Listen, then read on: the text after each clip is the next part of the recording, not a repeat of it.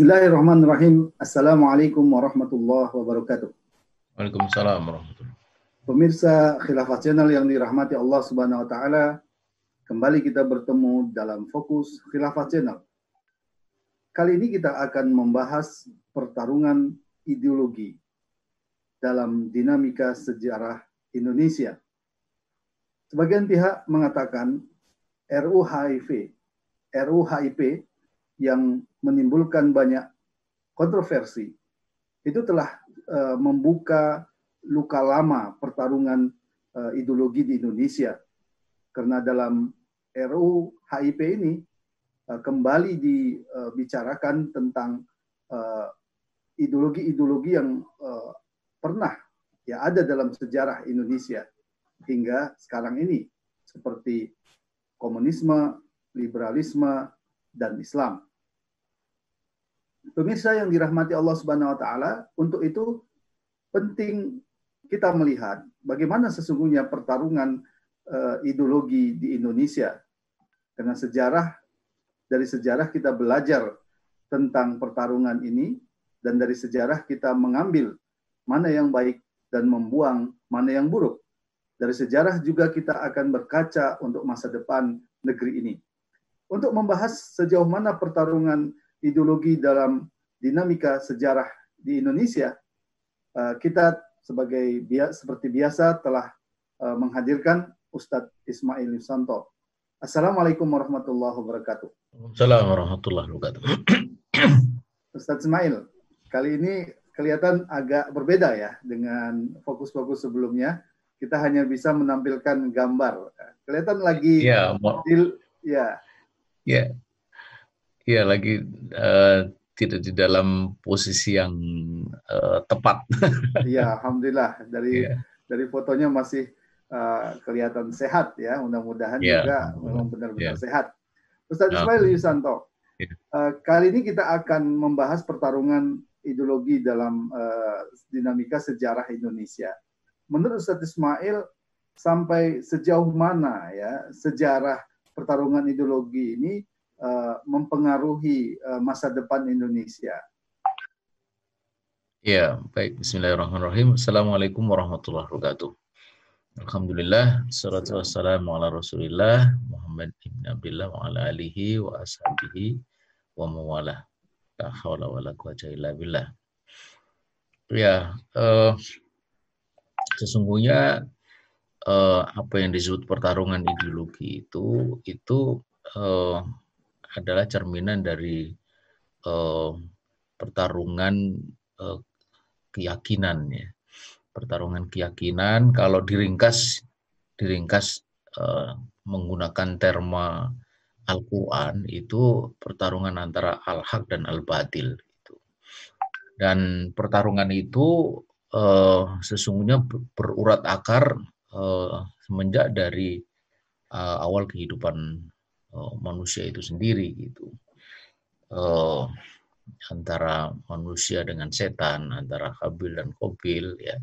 Antara uh, antara pengikut kebenaran dengan penentang kebenaran dan seterusnya yang kemudian menjelma menjadi aneka ragam keyakinan-keyakinan yang di dalam bahasa sekarang itu uh, kemudian disebut sebagai uh, ideologi uh, dan dan itu akan dan itu akan terus berlangsung uh, dulu, sekarang hingga nanti. Jadi kalau pertanyaannya apakah ini akan berpengaruh terhadap masa depan Indonesia, jelas itu. Uh, bahkan sesungguhnya bukan hanya Indonesia, tetapi juga negara-negara lain. Ya. Karena ya. Ya, Ustaz Ismail. Ya. Uh, setuju gak Ustadz Ismail ada pihak yang mengatakan ya bahwa uh, eh, HIP ya uh, haluan rancangan undang-undang haluan ideologi Pancasila yang uh, menimbulkan perdebatan saat sekarang ini uh, yeah. di negeri ini ini seolah membuka luka lama ya pertarungan ideologi di Indonesia antara Islam, uh, kapitalisme dan komunisme. Bagaimana menurut pandangan Ustadz Ismail? Iya, itu jelas sekali pertarungan itu kalau kita lihat itu pada dua level. Yang pertama adalah pada level uh, pada level tafsir Pancasila itu sendiri.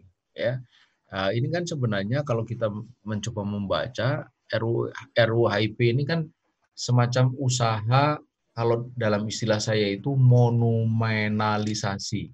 Jadi usaha untuk memonumenkan eh, apa legasi Soekarno.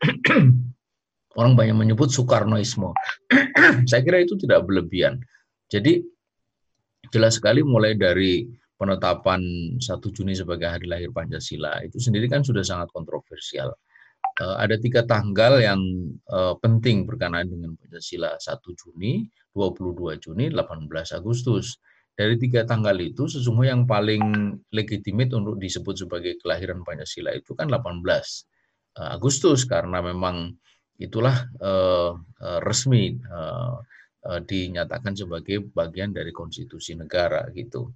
Nah, memang 1 Juni itu adalah pemaparan yang di mana pada tanggal itu diungkap pertama kali istilah Pancasila.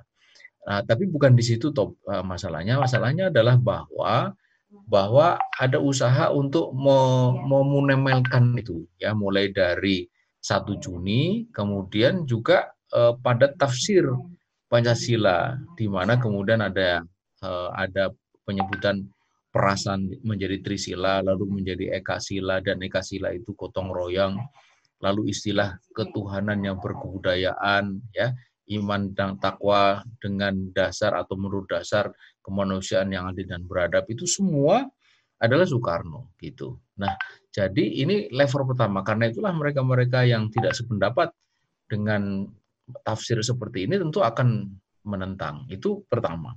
Kemudian yang kedua adalah pertarungan di level yang lebih substansial eh, bahwa uh, tafsir seperti itu itu bukan sekedar tafsir, bukan sekedar pemaknaan, tetapi satu ikhtiar untuk membawa negeri ini ke arah lebih sekuler. Negeri ini sudah sekuler dalam arti dia tidak berlandaskan kepada agama, tidak berlandaskan kepada Islam. Nah ini ditarik lebih sekuler lagi. Uh, ini kemudian me, me, mem, membuka uh, betul seperti yang anda sampaikan tadi itu semacam pertarungan lama. Sepula dengan istilah luka lama gitu karena memang ini pertarungan yang tidak pernah berhenti yaitu pada level yang kedua antara Islam dengan selain Islam. Dulu kan ada dua kelompok eh, yang Soekarno menyebut kelompok Islam dan kelompok nasionalis atau kebangsaan. Meskipun sekarang dicoba untuk dinetralisir dengan istilah nasionalis religius dan nasionalis sekuler gitu. Eh, di mana yang kelompok Islam menginginkan Indonesia berdasar Islam, yang nasionalis tidak menginginkan itu, tapi Indonesia yang tidak berdasarkan Islam. Lalu uh, uh, keluarlah apa yang disebut dengan gentleman agreement dengan tujuh kata itu. Tapi itu pun juga ditolak. Di antaranya lagi Bagus Hadi Kusumo dengan mengatakan bahwa itu rumusan tidak sesuai dengan ajaran Islam. Sebab ajaran Islam itu syariah untuk semuanya. Itu memang untuk masalah akidah orang-orang muslim tetap diberi kebebasan. Nah, jadi eh, eh, tentu umat Islam tidak akan terima eh, apa, pada pada situasi sekuler saja ini tidak terima, apalagi mau dibawa lebih sekuler gitu. Nah, saya kira di titik itulah seperti memantik eh, memantik apa giroh ya, memantik giroh eh, umat Islam eh, ter terhadap eh, upaya ini. Jadi upaya ini kan membuat keadaan menjadi lebih buruk dari sebelumnya, menjadi lebih kalau dalam bahasa eh, agama itu eh, dol ya sesat itu menjadi lebih sesat lagi gitu. Nah di situlah maka umat Islam pasti tidak akan pernah tinggal diam oleh karena kemungkaran itu harus dihentikan dengan eh, segala daya gitu. Ya, kalau kita bicara tentang uh, pertarungan ideologi, ya, yeah. Ya. uh, uh, itu itu kan bisa disebut sudah uh, terjadi jauh sebelum uh, masa kemerdekaan, ya. Bahkan yeah. dalam perjuangan melawan uh, kolonial uh, penjajah, baik itu yeah. uh, Belanda, Inggris ataupun Portugal, pertarungan yeah. ideologi itu sudah sudah muncul. Ya, ada ya. organisasi-organisasi Islam, ada organisasi-organisasi eh, sekuler, sosialis, komunis, yeah. ya. Uh, kemudian uh, pertarungan itu berlanjut ya, uh, terutama uh, di masa menjelang kemerdekaan ya di yeah. saat uh, BPUPKI dan PPKI yeah. yang saat itu yeah. membicarakan tentang uh, ideologi negara Indonesia ya. Yeah. Menurut uh, Ustadz Ismail, apa yang menyebabkan ya uh, uh, pertarungan ideologi itu bisa terjadi dalam sejarah Indonesia ya? Uh, ya karena sesungguhnya Indonesia ini bukanlah negara soliter. Dia dia lahir itu bukan di ruang kosong. Dia lahir di tengah juga percaturan politik ideologi atau ideologi politik dunia.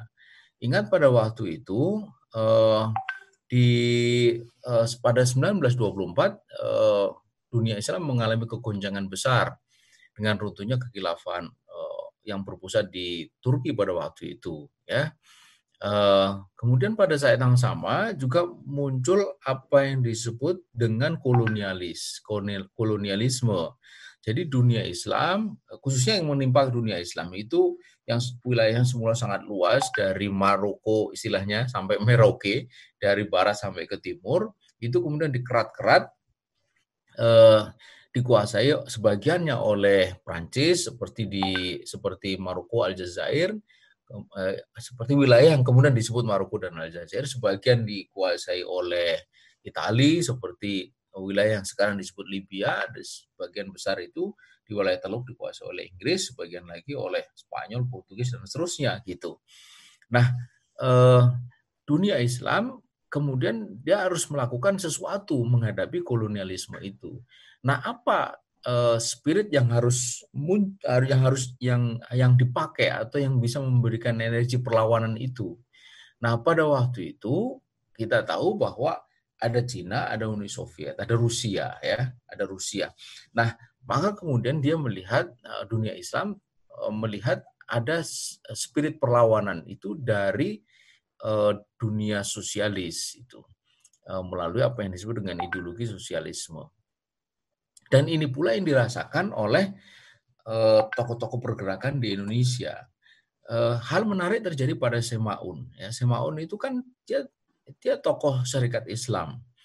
Dia tokoh syarikat, artinya dia tokoh Islam, tokoh yang dia lahir dari eh, dari lingkungan Islam, ya, dari politik Islam. Ya. Syarikat Islam pada waktu itu kan sudah berorientasi pada politik Eh, sebagai langkah lanjut dari syarikat dagat Islam. Tetapi dia melihat gitu bahwa uh, dia bisa melakukan sesuatu untuk melakukan untuk uh, untuk uh, dia bisa mendapatkan satu energi lebih besar menggerakkan massa ya, dalam hal ini adalah kaum buruh. Uh, lebih spesifik lagi adalah buruh kereta api di Semarang. Itu melalui apa? Melalui apa yang disebut dengan sosialisme itu itu sosialisme komunalisme atau komunisme. Maka jadilah dia itu orang Islam tetapi dia berpandangan di dalam politik gerakannya atau politik perjuangannya itu komunis uh, bahkan kemudian berlanjut dia Simaun itu menjadi tokoh komunis bahkan dia pada usia yang sangat belia menjadi ketua umum Partai Komunis atau ketua umum PKI yang pertama itu. Nah, jadi ini gejala umum yang terjadi di dunia Islam. Karena itu kalau kita lihat di di Timur Tengah misalnya muncul Partai Baath, muncul tokoh-tokoh semacam Gamal Abdul Nasser, muncul eh, tokoh-tokoh semacam uh, Hafid Asad, uh, lalu uh, di dalam kerangka yang agak sedikit berbeda itu uh, Muammar Gaddafi, itu hampir semuanya itu adalah tokoh-tokoh sosialis gitu. Nah, di Indonesia mulai ada perintisan-perintisan kemerdekaan pada 45 itu juga tidak bisa dilepaskan dari pertarungan itu. Jadi Islam Artinya, itu belum hilang, uh, belum lama hilang ya. Kapitalis kolonialis muncul, sosialis sebagai energi itu. Nah, jadi memang pertarungan itu di antara tiga sumbu itu. Islam, sosialis dan kapitalis. Artinya pemikiran-pemikiran uh, sebutlah tokoh-tokoh uh, politik di Indonesia, uh, yeah. tokoh-tokoh pergerakan ataupun yeah. pejuang kemerdekaan di yeah. Indonesia seperti Soekarno, Muhammad yeah. Hatta, Muhammad Yamin uh, dari kelompok uh, nasionalis, demikian yeah. juga Muhammad Nasir, yeah. ya itu tidak bisa uh, lepas dari pertar, uh, apa uh, pertarungan ideologi besar dunia itu. Dunia, iya, iya, iya, betul, betul, betul. tapi ada klaim ya ada klaim Ustaz Ismail yang mengatakan ya pemikiran Soekarno misalkan dengan Pancasilanya itu adalah pemikiran yang uh, murni uh, seolah-olah murni pemikiran uh, Indonesia asli begitu. Sementara pemikiran-pemikiran lain itu diklaim sebagai pemikiran asing ya. Sebagian uh, ada yang uh, apa namanya uh, berargumentasi seperti itu. Bagaimana menurut pandangan Ismail? Mungkinkah kemurnian pemikiran Indonesia itu uh, bisa bisa ada begitu? Ya uh, itu kan dramatisasi ya. Bahwa seolah-olah uh, Pancasila itu diambil dari uh, dari apa namanya rahim nilai-nilai yang berkembang di Indonesia gitu. Uh, Soekarno itu menjadi bisa seperti itu itu karena bacaannya sangat luas dan bacaan itu itu bersumber dari pertarungan-pertarungan ideologi besar tadi itu. Soekarno itu uh, sangat dipengaruhi oleh Cokroaminoto. Uh, maksudnya dalam sejarah hidupnya karena dia pernah tinggal uh, di rumah uh, tokoh yang sangat berpengaruh pada waktu itu ya. Cokroaminoto kan dianggap sebagai raja tanpa mahkota ya pandangan politiknya luar biasa dia sebagai tokoh syarikat Islam tapi yang luar biasa pada Cokroaminoto itu kan dia memiliki perpustakaan yang untuk ukuran itu tuh sangat lengkap. Nah, Bung Karno pada waktu itu itu sudah mulai uh, tertarik dan banyak dia me mendapatkan informasi dari buku-buku yang ada di perpustakaan itu. Pada suatu hari dicari-cari oleh Sokraminoto di mana itu? Karno Karno ternyata dia malaman itu tidur di perpustakaan itu. Jadi memang bacaannya sangat luas. Nah bacaan apa? Nah di antaranya yang sangat berpengaruh adalah pandangan-pandangan uh, Marx pandangan-pandangan uh, tokoh-tokoh sosialis dunia, tokoh-tokoh komunis dunia gitu. Dan itu yang kemudian uh, apa me, me, menginfiltrasi atau menginternalisasi pada diri uh, Bung Karno. Karena itulah maka kalau kalau kalau kita membaca itu kan pada pada uh, uh, pada apa trisilanya itu kan ada internasionalisme, ada demokrasi, itu semua itu kan pandangan-pandangan yang yang internasional gitu. Tidak ya, bukan bukan bukan dipetik dari dari istilahnya saja itu kan sudah sudah istilah-istilah internasional gitu. Dan uh, ingat pada waktu itu uh, ada link up ya. Muso itu ada link up dengan Rusia gitu. Eh, ID itu ada link up ke Cina gitu. Jadi sepenuhnya Indonesia itu itu di di dalam pengaruh atau orbit dari negara-negara besar pada waktu itu gitu. Jadi untuk yang Islam itu ada pengaruh dari khilafah eh, Utsmani, kalau yang komunis itu ada pengaruh dari uh, Rusia ataupun Cina, kalau yang uh, sekuler liberal atau kapitalis itu ada pengaruh dari Eropa pada waktu itu karena memang di sanalah sebagai uh, pusat kekuasaan sebelum akhirnya Amerika menjadi seperti sekarang ini. Gitu. Ya, jadi uh, apakah itu ber, berarti ya uh, berbagai pemikiran uh, ideologi internasional yang kemudian diadopsi, hmm. uh, kemudian uh, mungkin uh, direvisi atau hmm. atau kemudian uh, di uh, gagasannya di menggunakan istilah-istilah yang yang lain itu sesungguhnya suatu hal yang uh, wajar saja ya dalam uh, dalam uh, pemik uh, apa dalam dinamika pemikiran uh, para pemikir-pemikir uh, Indonesia karena ada ada anggapan ya Ustaz Ismail uh, uh, sekarang ini ketika ada gagasan khilafah yang sekarang ini uh, muncul hmm. ini di, dianggap seolah-olah sebagai ancaman ya di mana letak ancamannya itu gagasan ini dianggap gagasan uh, transnasional gitu uh, yeah. uh, Eh, padahal kalau tadi yang Ustaz Ismail jelaskan tadi, pemikir-pemikir uh, Indonesia sendiri seperti Soekarno, yeah. Hatta, yeah. Muhammad Yamin, bahkan yeah. mereka itu sebagi, sebagian itu belajar di uh, Belanda, itu yeah. tidak bisa lepas juga dari pemikiran uh, transnasional ini. Yeah. Uh, benarkah seperti itu, Ustaz yeah. Ismail? Ya, itu yang yang kita atau sayangkan gitu. Jadi kalau anak muda bilang itu uh, jalannya kurang jauh gitu, uh, atau pakai istilah kurang piknik lah, kurang bacaan gitu. Jadi uh, tokoh-tokoh kita zaman dulu itu itu hebat-hebat itu kan memang bacaannya luas ya, pergaulan internasional juga luas sehingga dia mengerti apa yang setengah terjadi di dunia Islam, tengah terjadi di Rusia dan Cina dan yang terjadi di Eropa khususnya gitu. Uh, jadi mereka itu kan berusaha untuk melakukan blending gitu, blending. Jadi uh, mereka melihat bahwa ada spirit Islam, ada spirit sosialis, ada spirit kapitalis gitu. Nah, blending itu itu yang kemudian dicoba dirumuskan di dalam apa yang disebut dengan istilah macam-macam termasuk pada apa yang disebut dengan Pancasila eh, dalam istilah Soekarno itu gitu loh. Nah, jadi eh, eh, sesungguhnya itu satu hal yang wajar gitu. Karena itulah maka eh, kalau sekarang pertarungan eh, setidaknya ya dari dari segi kita mungkin singkirkan dulu istilah pertarungan, wacana saja, wacana tentang sosialis, wacana tentang kapitalis, kemudian juga uh, Islam itu semestinya harus dianggap sebagai hal yang wajar. Tapi Aneh, kenapa ya? ada anggapan uh, bahwa gagasan khilafah, ada hmm. syariah Islam itu dipersepsikan sebagai gagasan asing begitu? Yeah. Uh, uh, bahkan uh, ada semacam uh, apa serangan-serangan yang negatif ya uh, bahwa itu adalah Arab bahkan sekarang muncul istilah uh, kadrun atau kadal yeah. uh, gurun ya ada yeah. apa Kenapa uh, hal itu bisa uh, muncul Ustaz Ismail? Ya, kalau ini kan sudah bercampur dengan apa yang disebut uh, fobia, Islamophobia. Dan Islamophobia itu sebenarnya kalau kita membaca secara uh, uh, psikologi politik, ini mekanisme defensif. Ini mekanisme mempertahankan diri uh, dengan cara dia melakukan upaya untuk menyerang.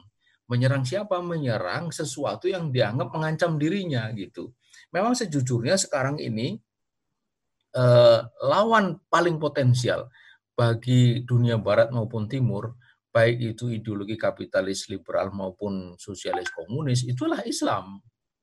Eh, mereka tahu itu karena Islam inilah yang akan memberikan jawaban-jawaban tuntas dan tandas terhadap seluruh Eh, kebutuhan manusia, cita-cita manusia, termasuk juga seluruh keraguan-keraguan yang ada selama ini gitu.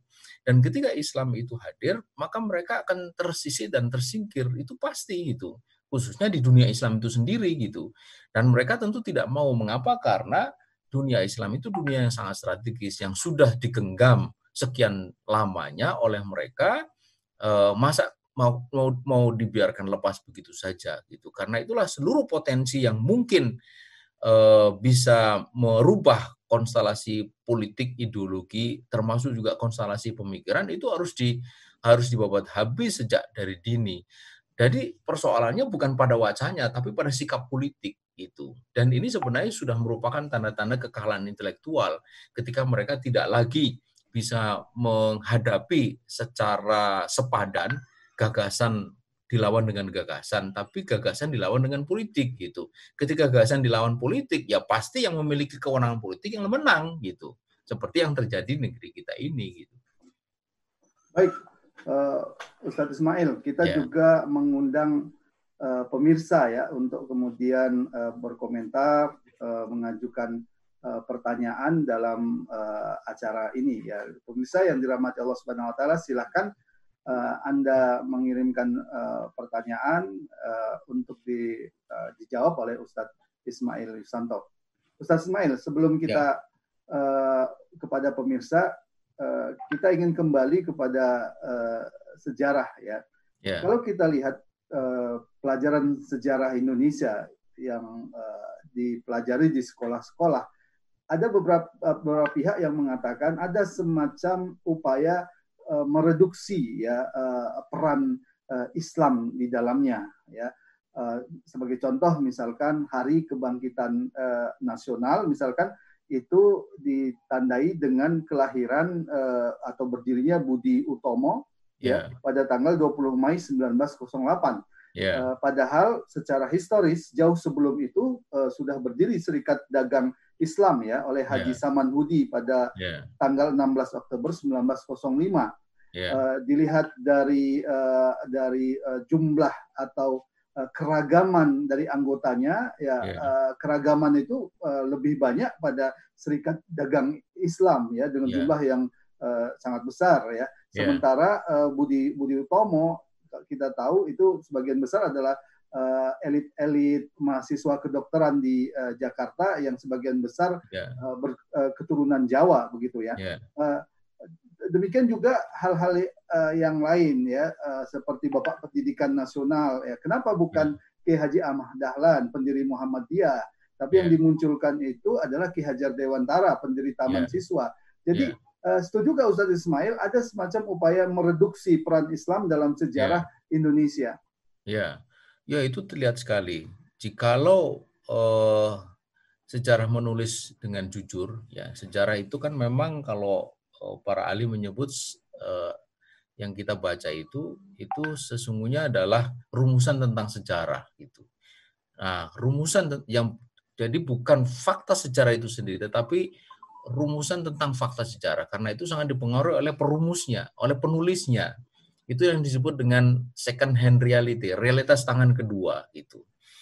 Uh, nah, kita melihat memang ada upaya secara sistematis untuk me, me, kalau bahasa saya itu mengubur menguburkan dan mengaburkan menguburkan dan mengaburkan peran Islam. Apa yang dimaksud dengan menguburkan ya menguburkan peran Islam e, itu faktanya ada tapi tidak pernah diungkap. Yeah. Seperti misalnya eh, apa eh, resolusi jihad. Jadi ada peristiwa Surabaya yang kemudian menjadi eh, Hari Pahlawan. Tetapi kenapa peristiwa Surabaya itu terjadi? Perobekan perlawanan rakyat Surabaya, Bung Tomo, puncak pada perobekan bendera merah putih biru birunya dirobek bersisa merah putih itu tidak pernah diungkap padahal Bung Tomo dan kawan-kawan itu menjadi begitu semangatnya karena ada resolusi jihad, ada fatwa jihad itu yang dikeluarkan oleh oleh Kiai Haji Asam Asim Asyari gitu. Nah, pertanyaannya kenapa kok eh, peristiwa Surabaya disebut sementara resolusi jihadnya tidak? Nah, sebab kalau disebut ini pasti akarnya adalah Islam kan. Itu penguburan gitu. Nah, sekarang memang diperingati ya 22 Oktober itu. Tapi menurut saya itu juga agak kurang tepat. Kenapa? Karena e, semestinya kalau itu di, e, ditetapkan sebagai hari yang penting, mestinya bukan hari santri, tetapi hari jihad atau hari e, resolusi jihad. Nah, itu lebih tepat. Itu. Lalu ada pengaburan. Pengaburan itu faktanya ada, disebut, tetapi dibaca di dalam konteks yang berbeda. Gitu. Seperti yang tadi uh, sudah dicontohkan. Kalau sejarah menulis dengan benar, mestinya bukan bukan Budi Utomo. Budi Utomo itu kan organisasi yang sangat yang sangat kalau kita membaca kritik terhadap Budi Utomo itu kan disebutnya sangat rasis karena dia karena dia berjuang untuk kaum priayi dokter Jawa gitu. Jadi kalau bukan Jawa nggak masuk, bahkan Madura pun nggak masuk.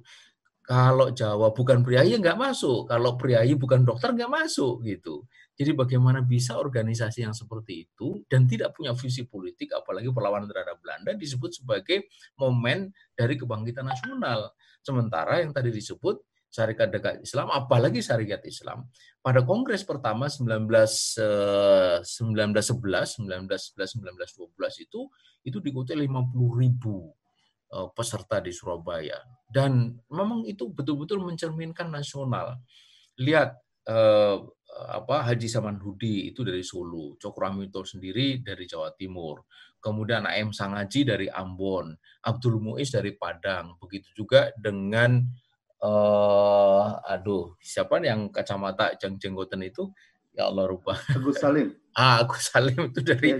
dari Sumatera Barat itu. Jadi betul-betul nasional wide gitu nah mestinya ini nah begitu juga dengan dengan uh, bawa pendidikan nasional.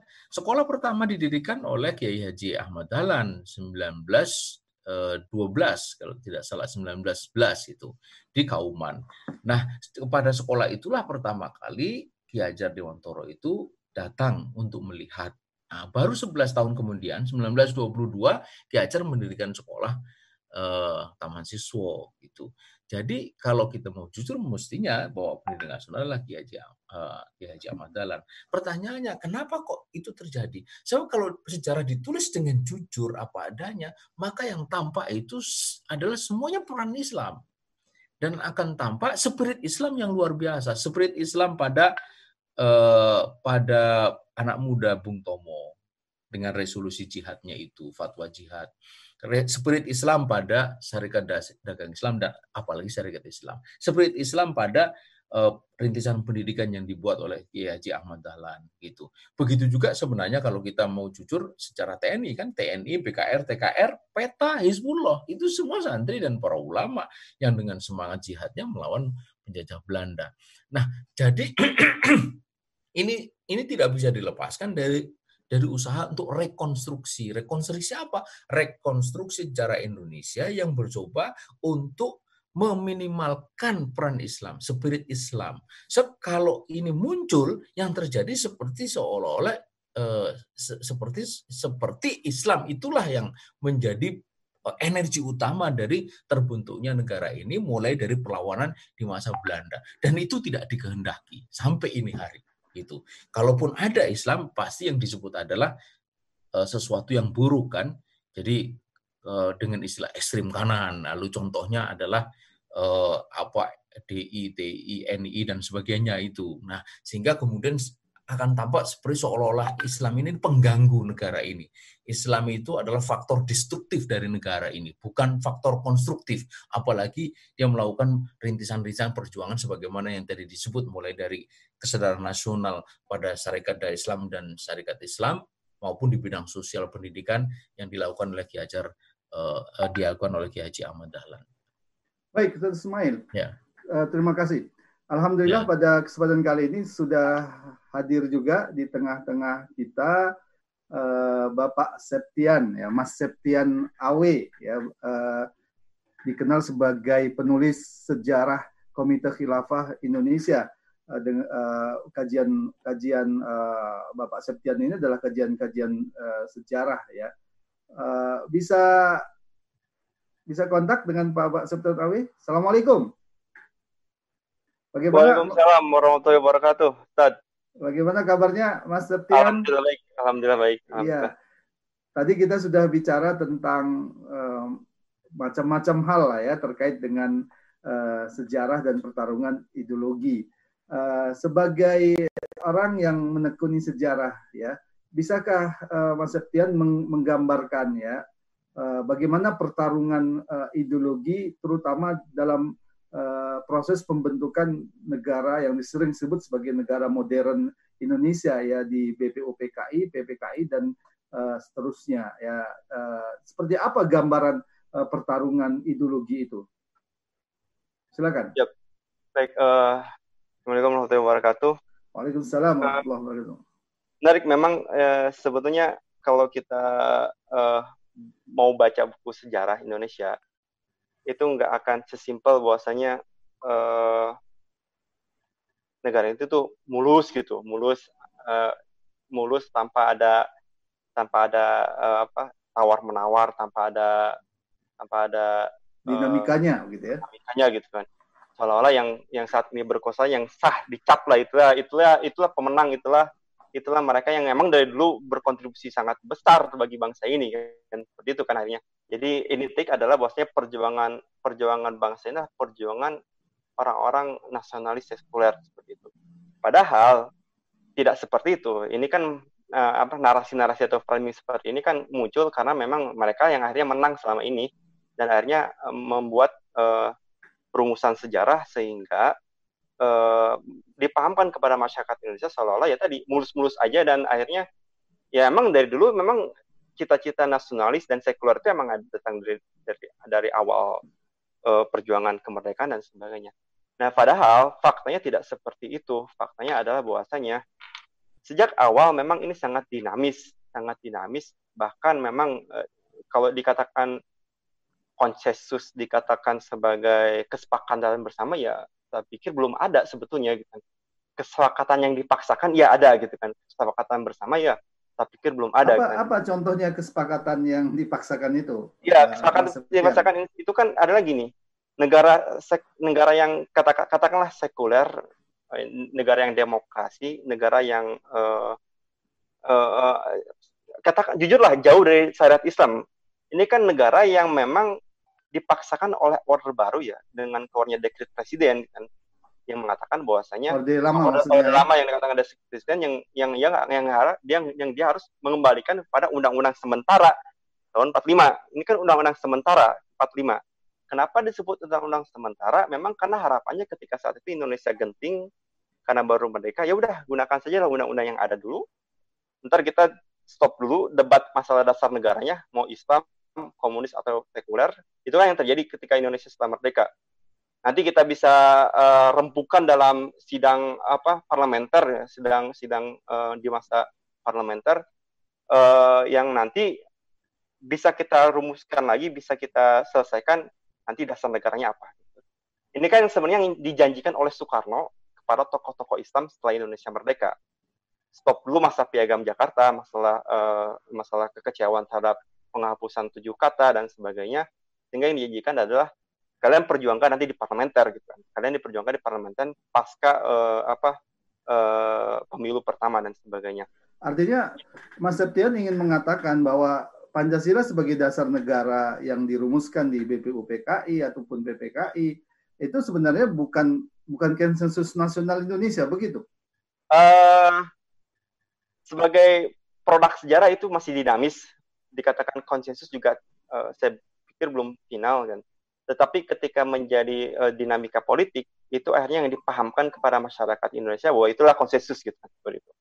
Kayak karena karena karena, karena pada ada proses politik untuk apa? Untuk tadi men men menstabilkan kondisi masyarakat, juga mengkokohkan rezim-rezim yang dia telah mencap bahwa itu adalah konsensus seperti itu. Padahal apakah itu yang diharapkan oleh founder Indonesia yang dia berada di kalangan ulama atau atau tokoh-tokoh Islam? Apakah negara yang seperti ini kan seperti itu pertanyaannya? Apakah negara yang uh, sekuler, negara yang tetap menjalankan uh, hukum-hukum warisan Belanda yang diharapkan oleh para ulama dan tokoh pergerakan? kita jangan lupa bahwasanya para ulama dan tokoh pergerakan Islam itu yang memiliki uh, apa ya uh, istilahnya uh, saham katakanlah gitu ya. Ya modal yang paling banyak untuk bisa memerdekakan Indonesia ini dari penjajahan kan seperti itu. Apa sih yang mereka cita-citakan? Ternyata kan yang cita-citakan adalah mereka ingin hidup itu berdasarkan landasan Islam. Syariat Islam menjadi uh, dasar kehidupan mereka kan seperti itu. Dan ini yang akhirnya karena memang debatable baik itu di PPKI, di BPPKI, bahkan ketika setelah Indonesia merdeka pun perdebatan itu terjadi. Nah, ini, ini yang ingin disampaikan bahwasanya kedinamisan itu terjadi perdebatan dasar negara antara orang-orang Islam, ya, para ulama dan tokoh pergerakan yang mengendaki bahwasanya negara yang merdeka ini adalah e, berdasarkan Islam. Satu sisi dengan orang-orang komunis, satu sisi dengan orang-orang nasionalis sekuler, maka ini yang terus terjadi perdebatan ini eh, ya perdebatan yang memang karena perdebatan mereka memikirkan masa depan negara yang baru merdeka ini bukan perdebatan yang semata-mata uh, karena memang mereka dapat dapat akan dapat apa dengan negara merdeka ini seperti itu. Ini yang terjadi. Bisakah Mas Septian menggambarkan ya seperti pertanyaan saya tadi bagaimana gambaran uh, pertarungan ideologi uh, di momen-momen uh, BPUPKI misalkan untuk PPKI ada di situ yeah. juga ada uh, apa uh, tentang piagam Jakarta. Bagaimana yeah, baik. pertarungan itu uh, yeah, uh, terlihat? Ini sebenarnya apa? Misalnya misalnya di badan di, di badan penyelidikan usaha usaha persiapan kemerdekaan Indonesia atau di BPKI ini kan uh, tahap akhir sebelum Indonesia diproklamasikan ya, yang dia diawali dengan uh, didirikan pada tahun 1945. Ini kan didirikan oleh benda oleh sebenarnya didirikan oleh uh, bantuan Jepang ya, yang dia menginginkan bahwasanya Indonesia ini nanti jajahan dia itu akan memiliki negara yang sendiri gitu. Nah di sidang yang all ini di 1 Maret 1945 sampai nanti endingnya kan 18 uh, eh, Agustus 1945 ya. Nanti yang akhirnya piagam Jakarta dihapuskan. Sebetulnya kan perdebatan alot antara uh, satu sisi misalnya ada uh, ada apa ada ada di Bagus Hadi Kusumo di kubu Islam ada uh, siapa ada Agus Salim, terus ada Yamin, ada juga Soekarno di kalangan kiri dan sebagainya, yang dia memperdebatkan dasar negara di sana. jelas-jelas para ulama ketika itu yang hadir menjadi anggota BPUPKI menghendaki bahwasanya dasar negara itu adalah syariat Islam. Dasar negara itu adalah Islam.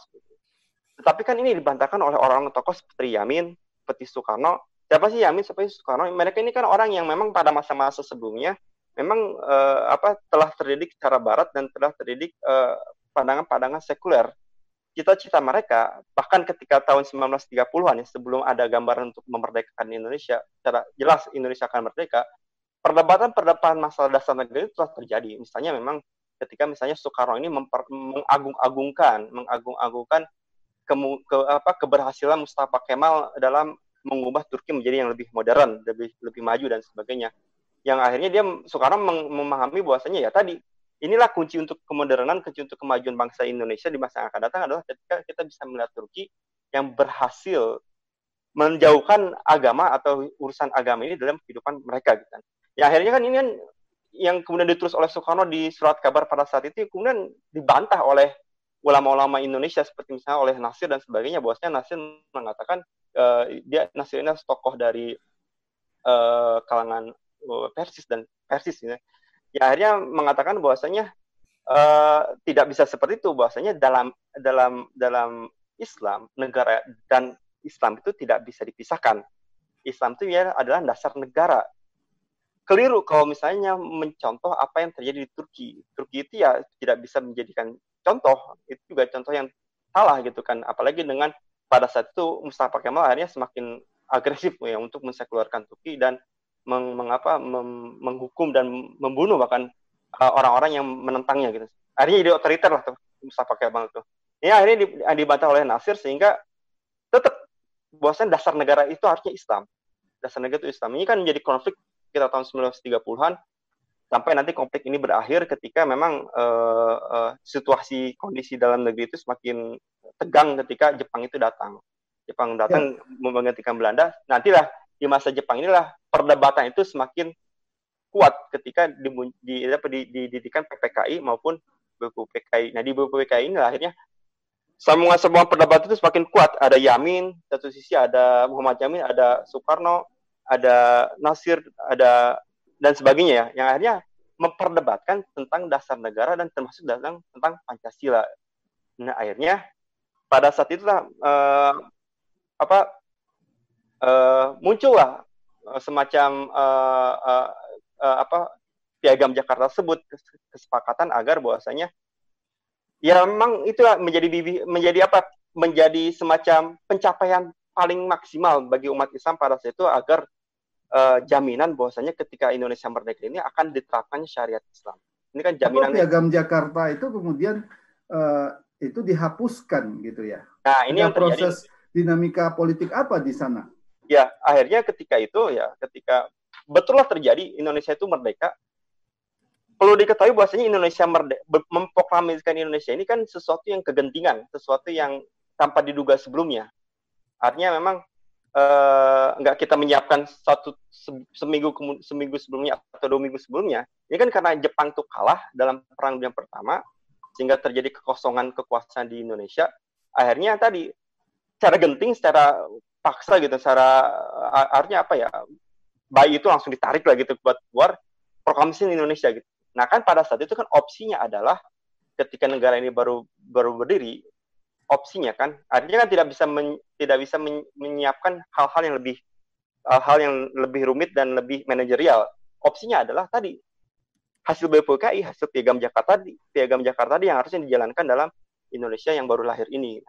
Nah, itu kan 17 Agustus ternyata tanggal 18 Agustus, nah ini kan muncullah uh, orang-orang yang datang dari timur katanya gitu, yang mendatangi Hatta yang Hatta pada saat itu menjadi wakil presiden yang dia meminta bahwasanya Indonesia ini akan pecah ketika eh, kata-kata syariat Islam dalam piagam Jakarta tersebut dalam Pancasila yang, yang di piagam Jakarta ya kata-kata itu tidak dihapuskan karena apa? Menurut, karena memang menurut menurut Mas Septian ya uh, yeah. tadi anggapan bahwa Indonesia akan pecah uh, itu yeah. sebenarnya uh, apa namanya asumsi yang dibangun atau itu memang ancaman real pada saat itu? Iya, uh, uh, saya mengikuti sebagian sejarawan yang akhirnya mengatakan banyak sekali ke keganjilan siapa utusan dari timur tersebut dan seberapa besar potensi potensi pecah itu ada gitu kan. Padahal di timur itu juga mayoritas banyak orang Islamnya juga kan seperti itu. Itu kan hanya image saja yang uh, image saja yang mengatakan Medan atau Sumatera Utara itu ya non Muslim. Bali Bali memang ada kerajaan, memang kerajaan Hindu Buddha dulunya. Ya timur timur itu seperti apa gitu. Artinya memang Uh, Artinya tidak bisa dikatakan ketika tidak bisa dikatakan timur, bahwasanya itu mewakili iya, non Muslim secara keseluruhan. Iya, iya gitu. seperti itu. Seperti itu tidak bisa seperti dikatakan seperti itu. Juga siapanya itu kan dan emang apakah betul itu itu itu uh, utusan datang dari timur itu benar? Uh, apakah itu apa apakah itu artinya uh, penghapusan uh, uh, tujuh kata itu merupakan uh, konspirasi kelompok uh, sekuler uh, ya. atau bagaimana? Ya bisa dikatakan memang itu uh, uh, intrik lah intrik dari orang-orang uh, apa yang memang sekuler tadi ya untuk bisa uh, meyakinkan Hatta Nah, kita juga belum tahu Hatta itu emang ada di pihak yang mana kan seperti itu. Meyakinkan Hatta untuk bisa menego gitu, menego atau me, apa? Ya menego lah bahasanya kepada kalangan umat Islam, kalangan uh, apa para ulama yang ada di uh, eh, BPPK pada saat itu untuk bisa menghapuskan uh, tujuh kata itu, tujuh kata Baik. dalam piagam Jakarta. Saya bisa katakan bahasa seperti ini, itulah istiadat ulama pada saat itu agar syariat Islam itu bisa diakomodasi oleh uh, bangsa Indonesia yang baru merdeka kan? Itulah pencapaian yang paling maksimal. Ternyata itu pun telah membuat orang-orang uh, yang tadi ya kan ada pertarungan ideologi tadi ya dari orang Islam komunis maupun sekuler yang telah membuat mereka pun kepanasan kegerahan nih, untuk akhirnya minta menuntut agar tujuh kata tersebut dihapuskan. Dan itulah ya. akhirnya uh, ya silakan. Baik Iya, iya. Ya, kita kembali ke pemirsa ini dulu, Mas Septian, karena sudah iya. banyak yang bertanya ini. Hmm, ya, uh, uh, dari tadi, uh, kasihan ini kalau pertanyaannya tidak dijawab. ya. Uh, sebelum kita lanjutkan bincang-bincang uh, kita, uh, ini dari uh, ini pertanyaan ini uh, banyak ke Ustadz uh, Ismail ya. Dari Ayubi Sugeng ya pertanyaannya Kenapa Islam lebih peka terhadap musuh ideologi dari komunis daripada kapitalis yang lebih nyata telah merumukkan kaum muslimin? Bagaimana Ustaz Ismail? Ya, ini tidak bisa dilepaskan dari sejarah. Sejarah eh, PKI di Indonesia itu kan sejarah penuh dengan kebencian, eh, eh, pembunuhan, dan kekejian. Gitu. Eh, umat Islam tidak pernah bisa melupakan bagaimana uh, perlakuan mereka terhadap para ulama, terhadap para kiai itu. Dan sampai ini hari bahkan masih ada uh, saksi hidup yang menyaksikan kekejaman itu. Uh, bagaimana di Madiun itu para ulama, para santri itu dimasukkan ke dalam madrasah, kemudian dikunci dan madrasah itu dibakar. Itu. Nah, jadi memori itu melekat erat bahwa komunisme itu itu uh, identik dengan kekejaman. Dan faktanya memang begitu kan, pemberontakan 1926 gagal, ulangi lagi 1948 gagal, lalu 1965 gitu. Uh, nah ini berbeda dengan kapitalisme. Kapitalisme itu itu dia uh, ti, ti, dia sebagai sebuah ideologi itu tidak berwatak seperti uh, komunis. Uh, watak dari kapitalis itu kan dia sebenarnya um, apa um, bertumpu pada satu sisi atau satu fitrah pada diri manusia yang kalau dalam bahasa Al-Quran itu disebut sebagai uh, sebagai hubut tamaluk ya waktu hibun al mala hubban jama ya ke kesenangan kepada harta yang luar biasa gitu. Makanya yang disebut sebagai kapitalis itu kalau dalam uh, di terjemahan bahasa Arab itu roksun roksun maliyah ya. Iya. Roksun kepala maliyah itu uang atau harta. Jadi kepala ini cuma harta. Nah, jadi ada ada sisi pada diri manusia itu yang memang begitu, suka kepada harta, ada juga uh, apa yang disebut dengan greedy itu, sifat tamak itu. Nah, karenanya kemudian Eh, ketika ketika dia melakukan itu lalu mengajak orang lain begitu atau orang lain mendapatkan itu, dia seperti merasa bahwa dia mendapatkan kebaikan, mendapatkan kenikmatan gitu. Bukan bukan sebuah keburukan. E, cara mereka juga tidak pernah dilakukan dengan tidak tidak tidak pernah menempuh seperti yang ditempuh oleh e, komunis, pemberontakan, pembunuhan segala macam gitu. Jadi berbeda sekali. Karena itulah maka kita bisa mengerti jikalau oh, umat Islam di negeri ini itu lebih peka terhadap komunisme ketimbang kepada kapitalisme. Padahal kapitalisme sekarang, kapitalisme sekarang ini adalah kapitalisme yang secara aktual itu melakukan eksploitasi luar biasa pada sumber daya alam di Indonesia, kemudian menimbulkan kerusakan-kerusakan budaya, kerusakan kepribadian, kerusakan cara berpikir, dan sekularisme liberal itulah yang kemudian membuat orang dia merasa sebagai seorang muslim, tetapi cara berpikirnya, perilakunya itu sudah tidak beda-bedanya dengan orang uh, selain Islam itu. Uh, apalagi kalau kemudian dia juga ikut menikmati semua proses-proses yang dilakukan oleh kapitalisme. Jadilah dia muslim kapitalis gitu. Jadi seperti seolah tidak ada masalah. Gitu. Nah itu yang saya kira terjadi yang membuat akhirnya orang lebih peka terhadap komunisme ketimbang kepada kapitalisme. Baik, Dr. Ismail. Ya. Ada uh, pertanyaan lagi dari Siti Mudrika ini ya. ya. Seberapa kuat ini masih menanyakan HIP ini Ustaz Ismail, ya. RUU HIP bisa membawa perubahan untuk masyarakat Indonesia dan apakah perubahan itu menuju meningkatnya uh, permintaan umat terhadap diterapkannya Islam atau malah sebaliknya? Nah, ini pertanyaannya ya. Silakan. Yang yang pertama uh, ini kan undang-undang. Jikalau disahkan maka seperti yang kita berulang kali jelaskan itu ada tiga ada tiga uh, hal penting yang kita harus waspadai bakal terjadi.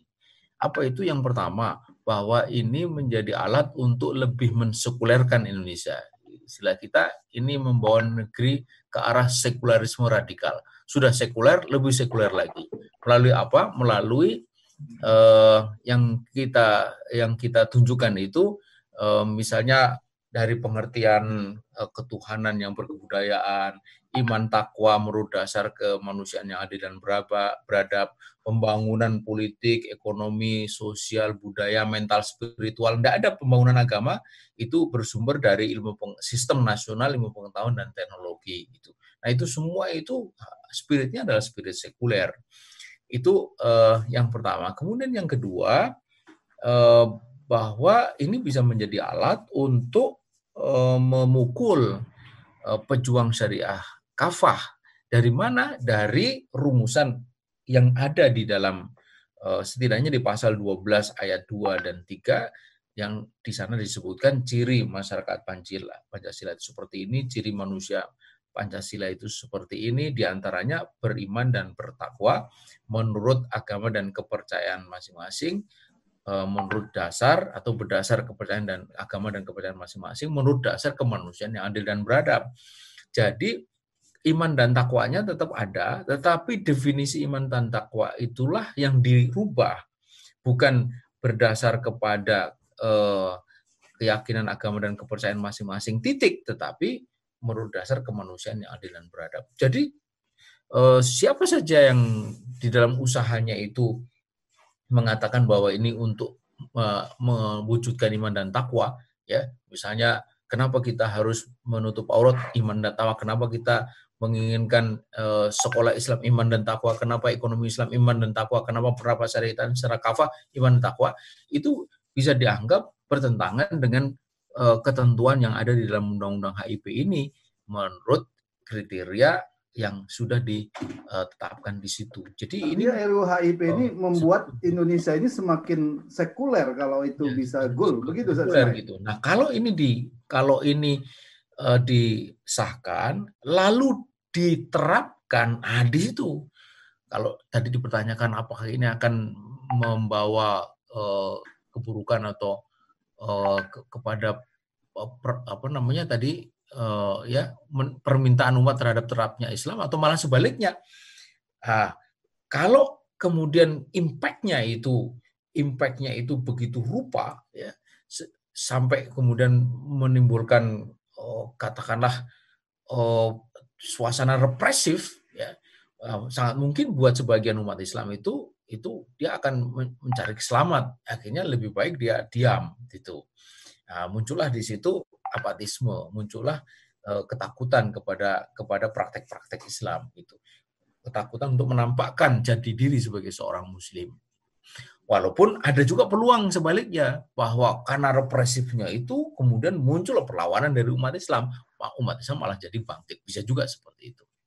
Apakah RU ini akan mengokohkan kapitalisme, Ustaz Ismail, yang sebenarnya sudah demikian kokoh di Indonesia ini? Nah, itu yang ketiga, bahwa ini sesungguhnya hanya menjadi kedok saja untuk memuluskan kepentingan politik ekonomi uh, oligarki pemilik modal. Itu. Jadi Eh, cara paling gampang di negeri ini ini ternyata kalau kita mau melakukan sesuatu kita harus menampakkan diri atau mencitrakan diri sebagai seorang Pancasilais. Nah setelah itu baru kita melakukan kejahatan apa pun itu seperti seolah-olah absah gitu. Seperti yang terjadi saat ini. Jadi pada satu sisi penguasa itu mengatakan kami Pancasila, tapi di sisi lain dia melegalkan undang-undang Minerva yang sangat merugikan rakyat lalu melegalkan atau mensahkan undang-undang eh, COVID-19, Perpu COVID-19 yang di situ eh, jelas-jelas berisi eh, substansi yang bertentangan dengan RUU HIP ini gitu. Jadi nggak cocok antara praktek dengan tindakan dengan ucapan. Gitu. Baik, Ustaz Ismail. Ya. Uh, kita berbincang lagi kepada Mas Septian ini. Ya. Mas Septian. Assalamualaikum Mas Septian. Bisa di suaranya bisa di itu dihidupkan di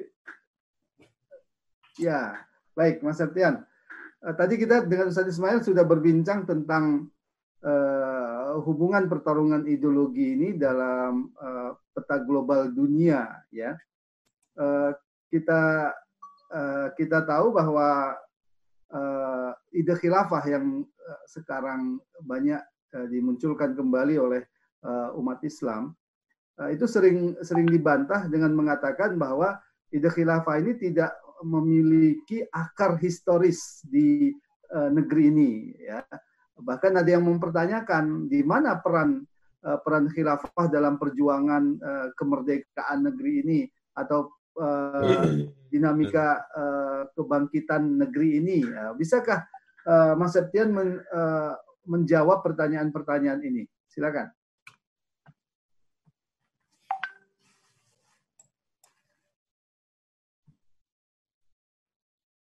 Baik, kelihatan uh, ada gangguan dari Mas Septian. Kita langsung ke Ustadz Ismail ya. Ya. Ya. Bisa didengar tadi pertanyaan kita, Mas Septian? Halo? Ya, Mas Septian. Uh, tadi uh, kita bertanya tentang uh, ketika umat Islam sekarang ya memunculkan gagasan kembali kepada khilafah Islam itu ada uh, semacam uh, apa uh, serangan balik ya yang mempertanyakan ya. uh, di mana peran khilafah dalam uh, dalam perjuangan uh, Indonesia begitu ini pertanyaan yang uh, uh, sering sering sering muncul ya uh, bahkan ada yang mempertanyakan adakah hubungan Indonesia itu dengan khilafah ya, ya. jadi ada dua hal ini Uh, silakan uh, Mas Septian menjawabnya. Uh, baik.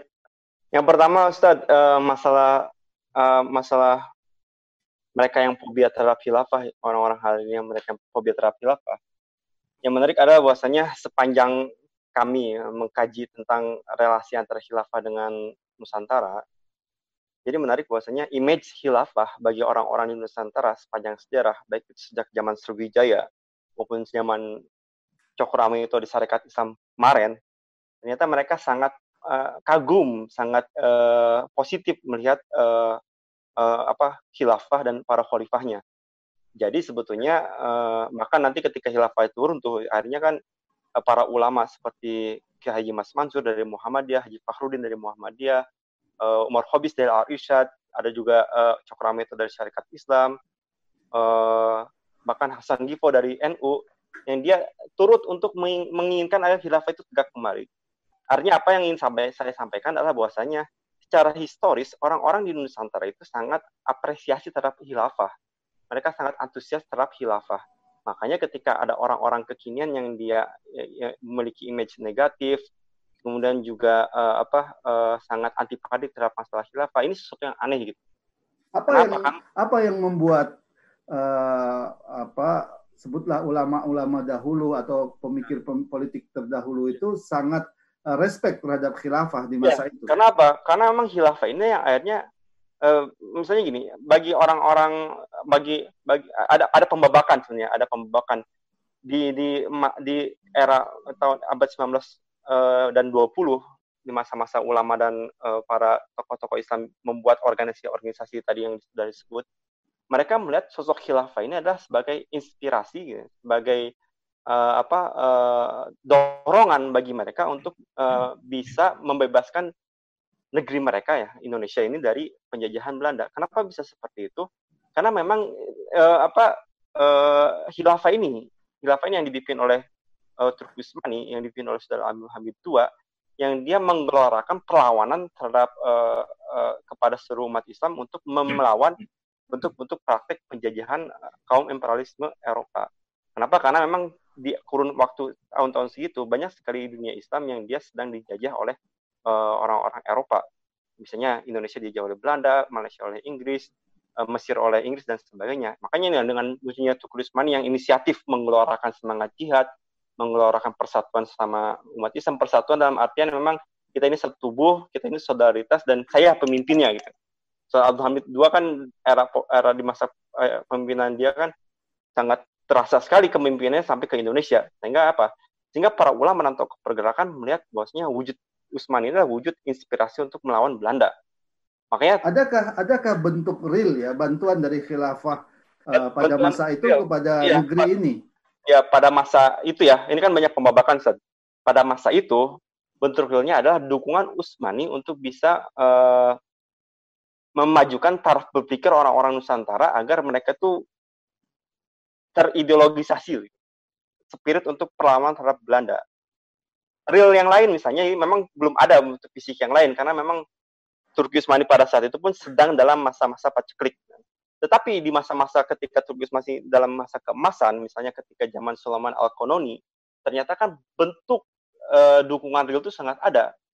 Zaman era uh, Khalifah setelah Sulaiman Al-Kononi itu kan langsung mengirimkan bantuan perang kepada uh, kerajaan Aceh untuk bisa orang-orang uh, Aceh ini mengusir orang-orang Portugis yang telah ratusan tahun menguasai Selat Malaka.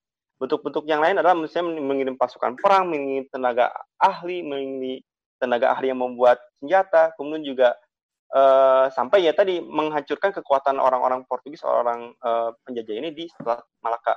Ini kan uh, maksud saya adalah banyak pembabakan, bentuk-bentuk dukungan Usman itu sangat beraneka ragam, tergantung nanti pada zamannya.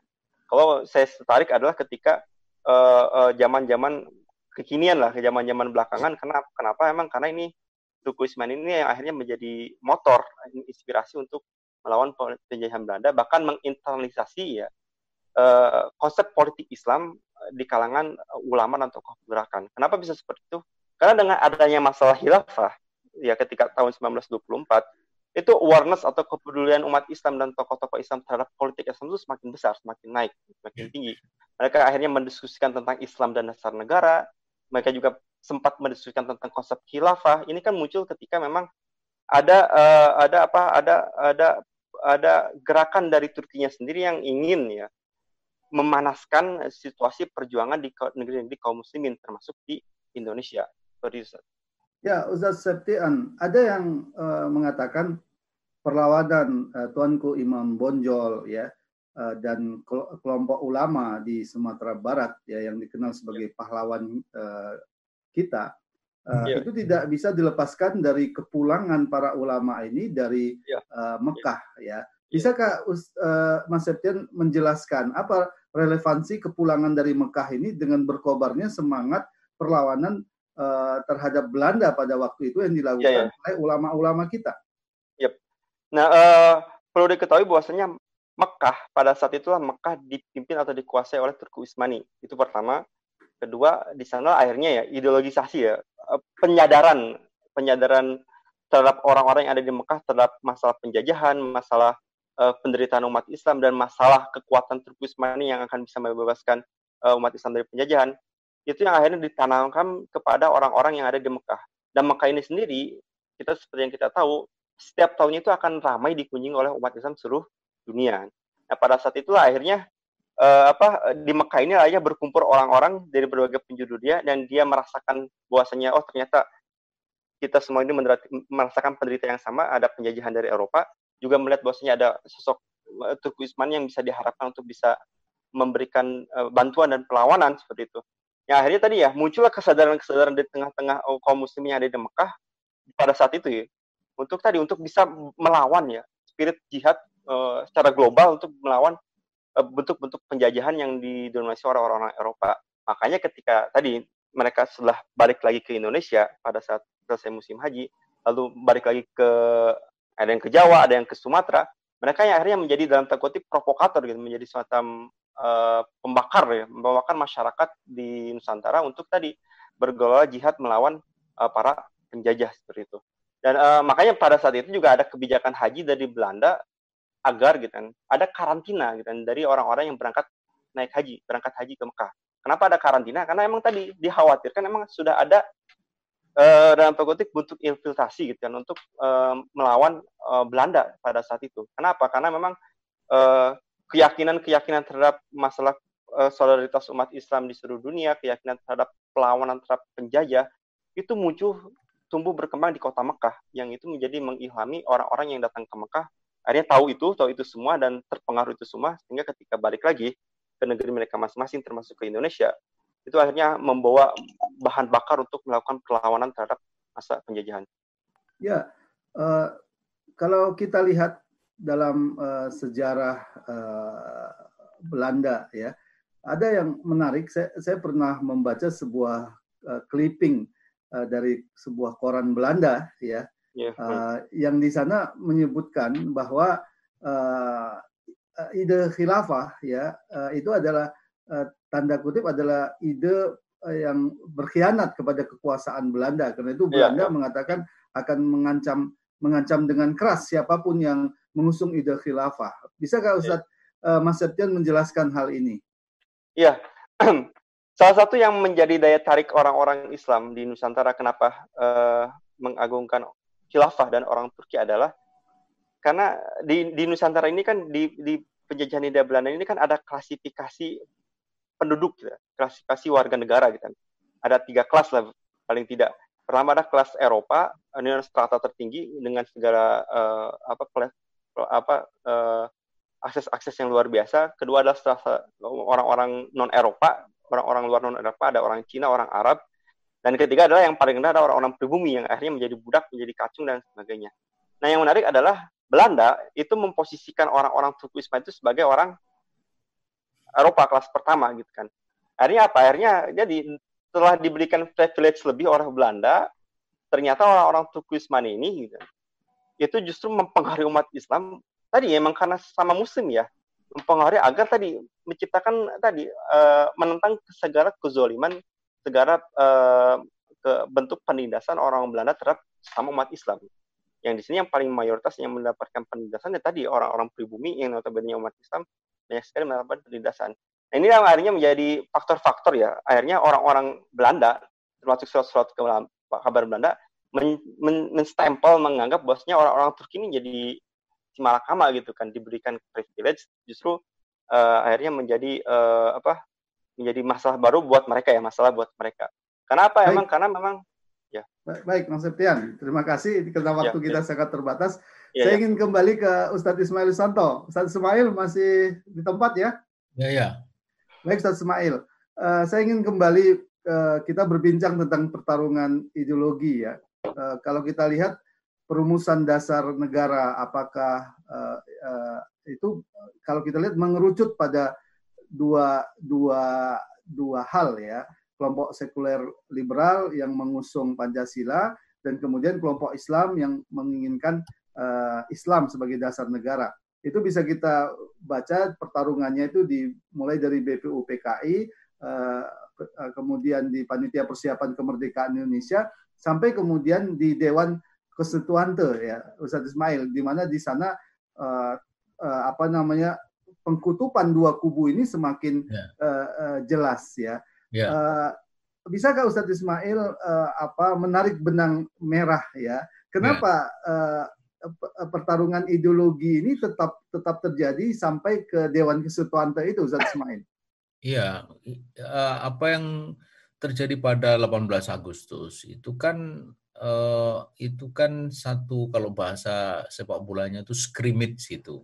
Scrimmage yang jelas menyisakan kecewaan yang luar biasa gitu sesuatu yang sudah dibicarakan begitu rupa itu pun juga sebenarnya me, apa masih mengundang penolakan kan rumusan tujuh kata itu itu tiba-tiba dicoret begitu saja gitu. Nah, lalu dijanjikan bahwa akan dibicarakan lagi dan puncaknya ada pada di sidang konstituante itu gitu. Uh, jadi ini kelanjutan uh, dan sebenarnya kalau kita mau jujur menilai itu belum pernah ada kata selesai ya kan?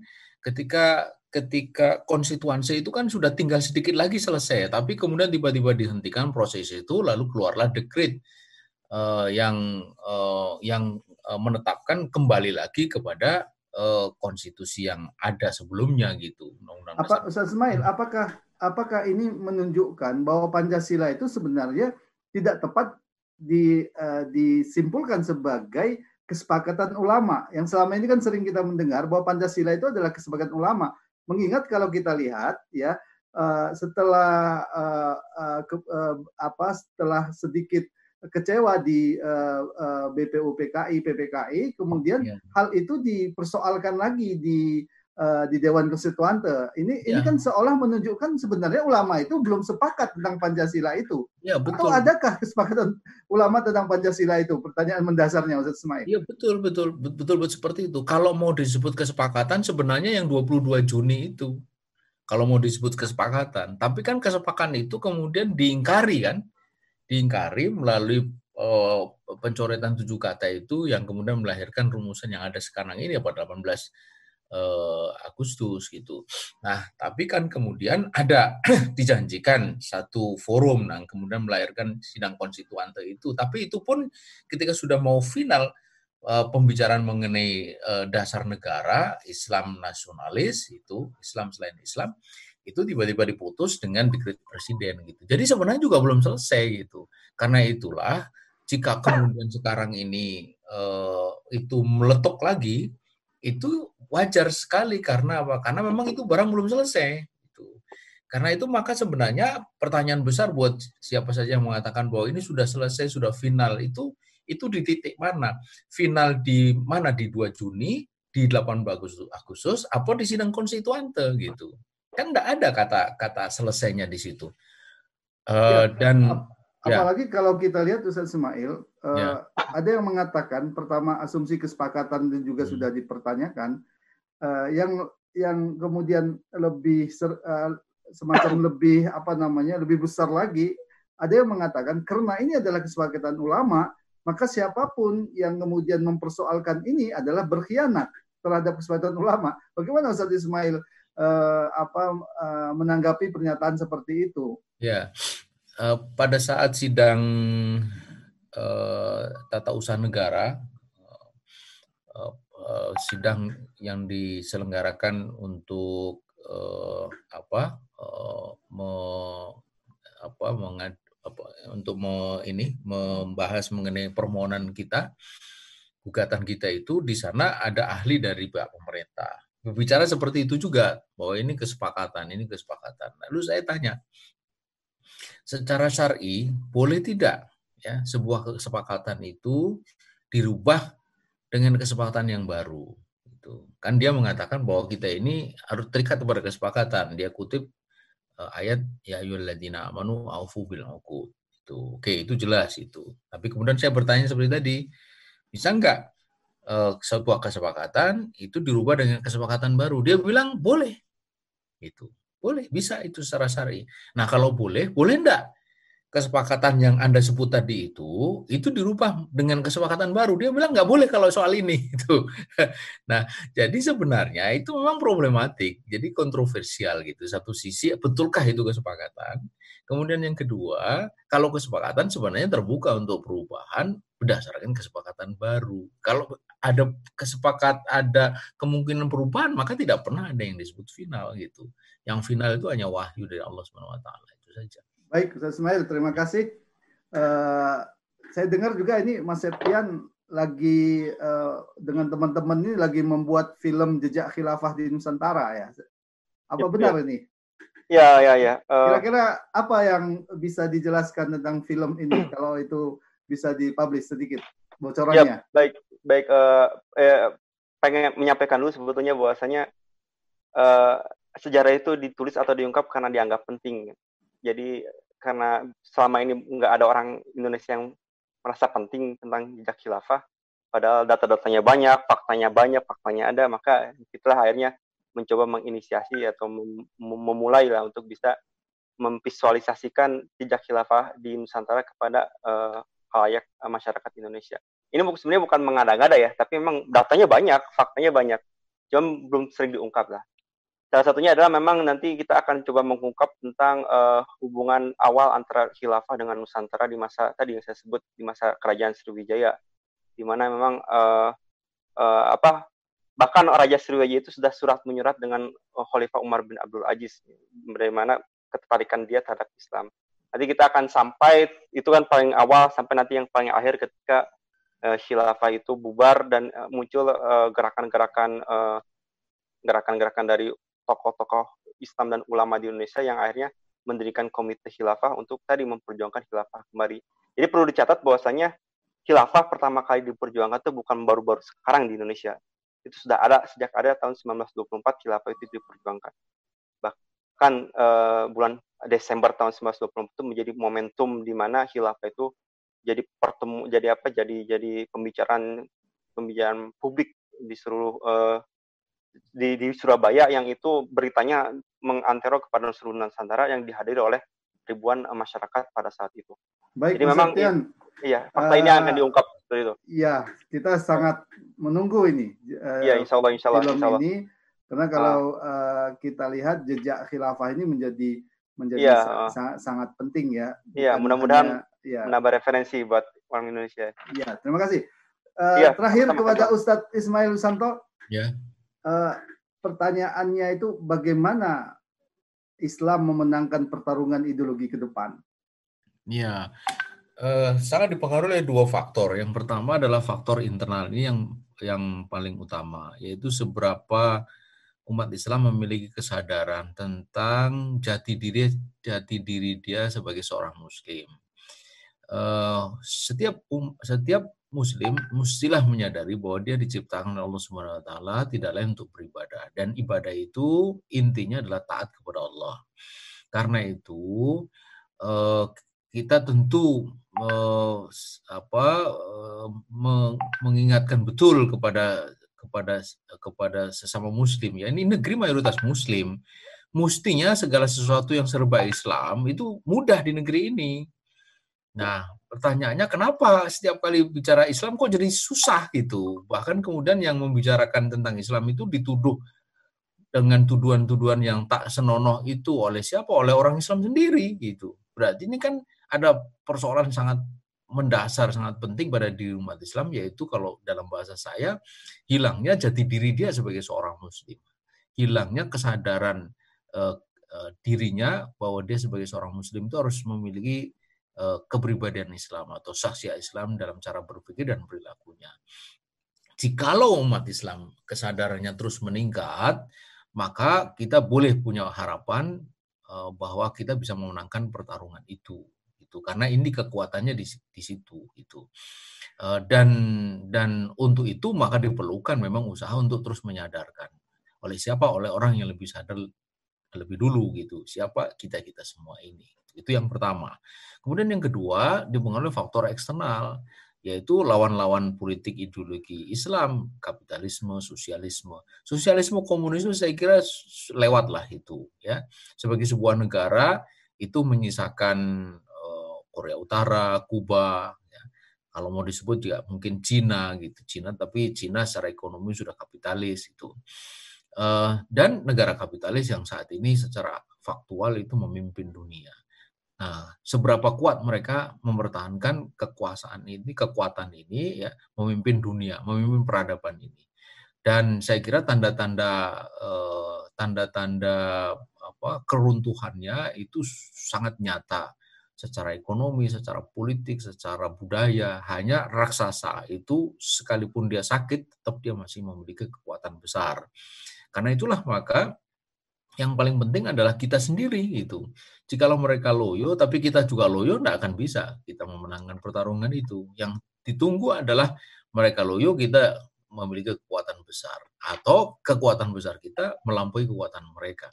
Nah, pada saat itulah kita akan melakukan layup gitu, ya, eh, leading dan pada saat itulah uh, uh, apa kemenangan itu ada di tangan Islam dan saya kira dari sisi janji Allah sudah jelas sekali gitu walladzi arsala rasulahu bil huda wa dinil haq liyudhhirahu 'ala dini kullih walau karihal kafirun walau karihal musyrikun. Jadi Allah mengutus uh, rasulnya itu uh, untuk dimenangkan dari atau atas agama-agama walaupun orang-orang kafir, orang musyrik itu uh, tidak suka atau membencinya itu. Baik, Ustaz Ismail. Terima kasih. Ya, terima kasih. Terima kasih juga Mas uh, Septian. Uh, yes, uh, demikian juga pemirsa yang dirahmati oleh Allah Subhanahu wa taala. Mohon maaf tidak semua pertanyaan bisa kita bacakan. Uh, pertarungan ideologi antara kapitalis, uh, komunis dan Islam uh, sesungguhnya masih masih uh, berlanjut ya. Uh, dari sejarah kita sudah mengetahui bagaimana komunisme sudah runtuh, Eh, dan kapitalisme juga saat sekarang ini sedang dalam keadaan sekarat ya. Kalau dulu orang Eropa menyebut uh, khilafah Turki sebagai the segment of Europe, uh, bisa sekarang disebut bahwa kapitalisme ini adalah the segment of the world ya. Orang sakit dunia ya karena dalam menjelang keruntuhannya. Pilihan umat Islam hanya satu ya kembali kepada Islam. Inilah pilihan sebagaimana yang telah disampaikan oleh Ustaz Ismail tadi pilihan yang akan menyelamatkan kita dunia dan akhirat. Demikian juga pilihan inilah yang akan menyelamatkan uh, umat manusia. Karena itu perjuangan penegakan syariat Islam, ya penyatuan umat Islam uh, harus terus digelo digelorakan. Ya, uh, demikian pemirsa yang dirahmati Allah Subhanahu Wa Taala. Semoga acara ini bermanfaat untuk anda semua. Terima kasih. Assalamualaikum warahmatullahi wabarakatuh. Waalaikumsalam.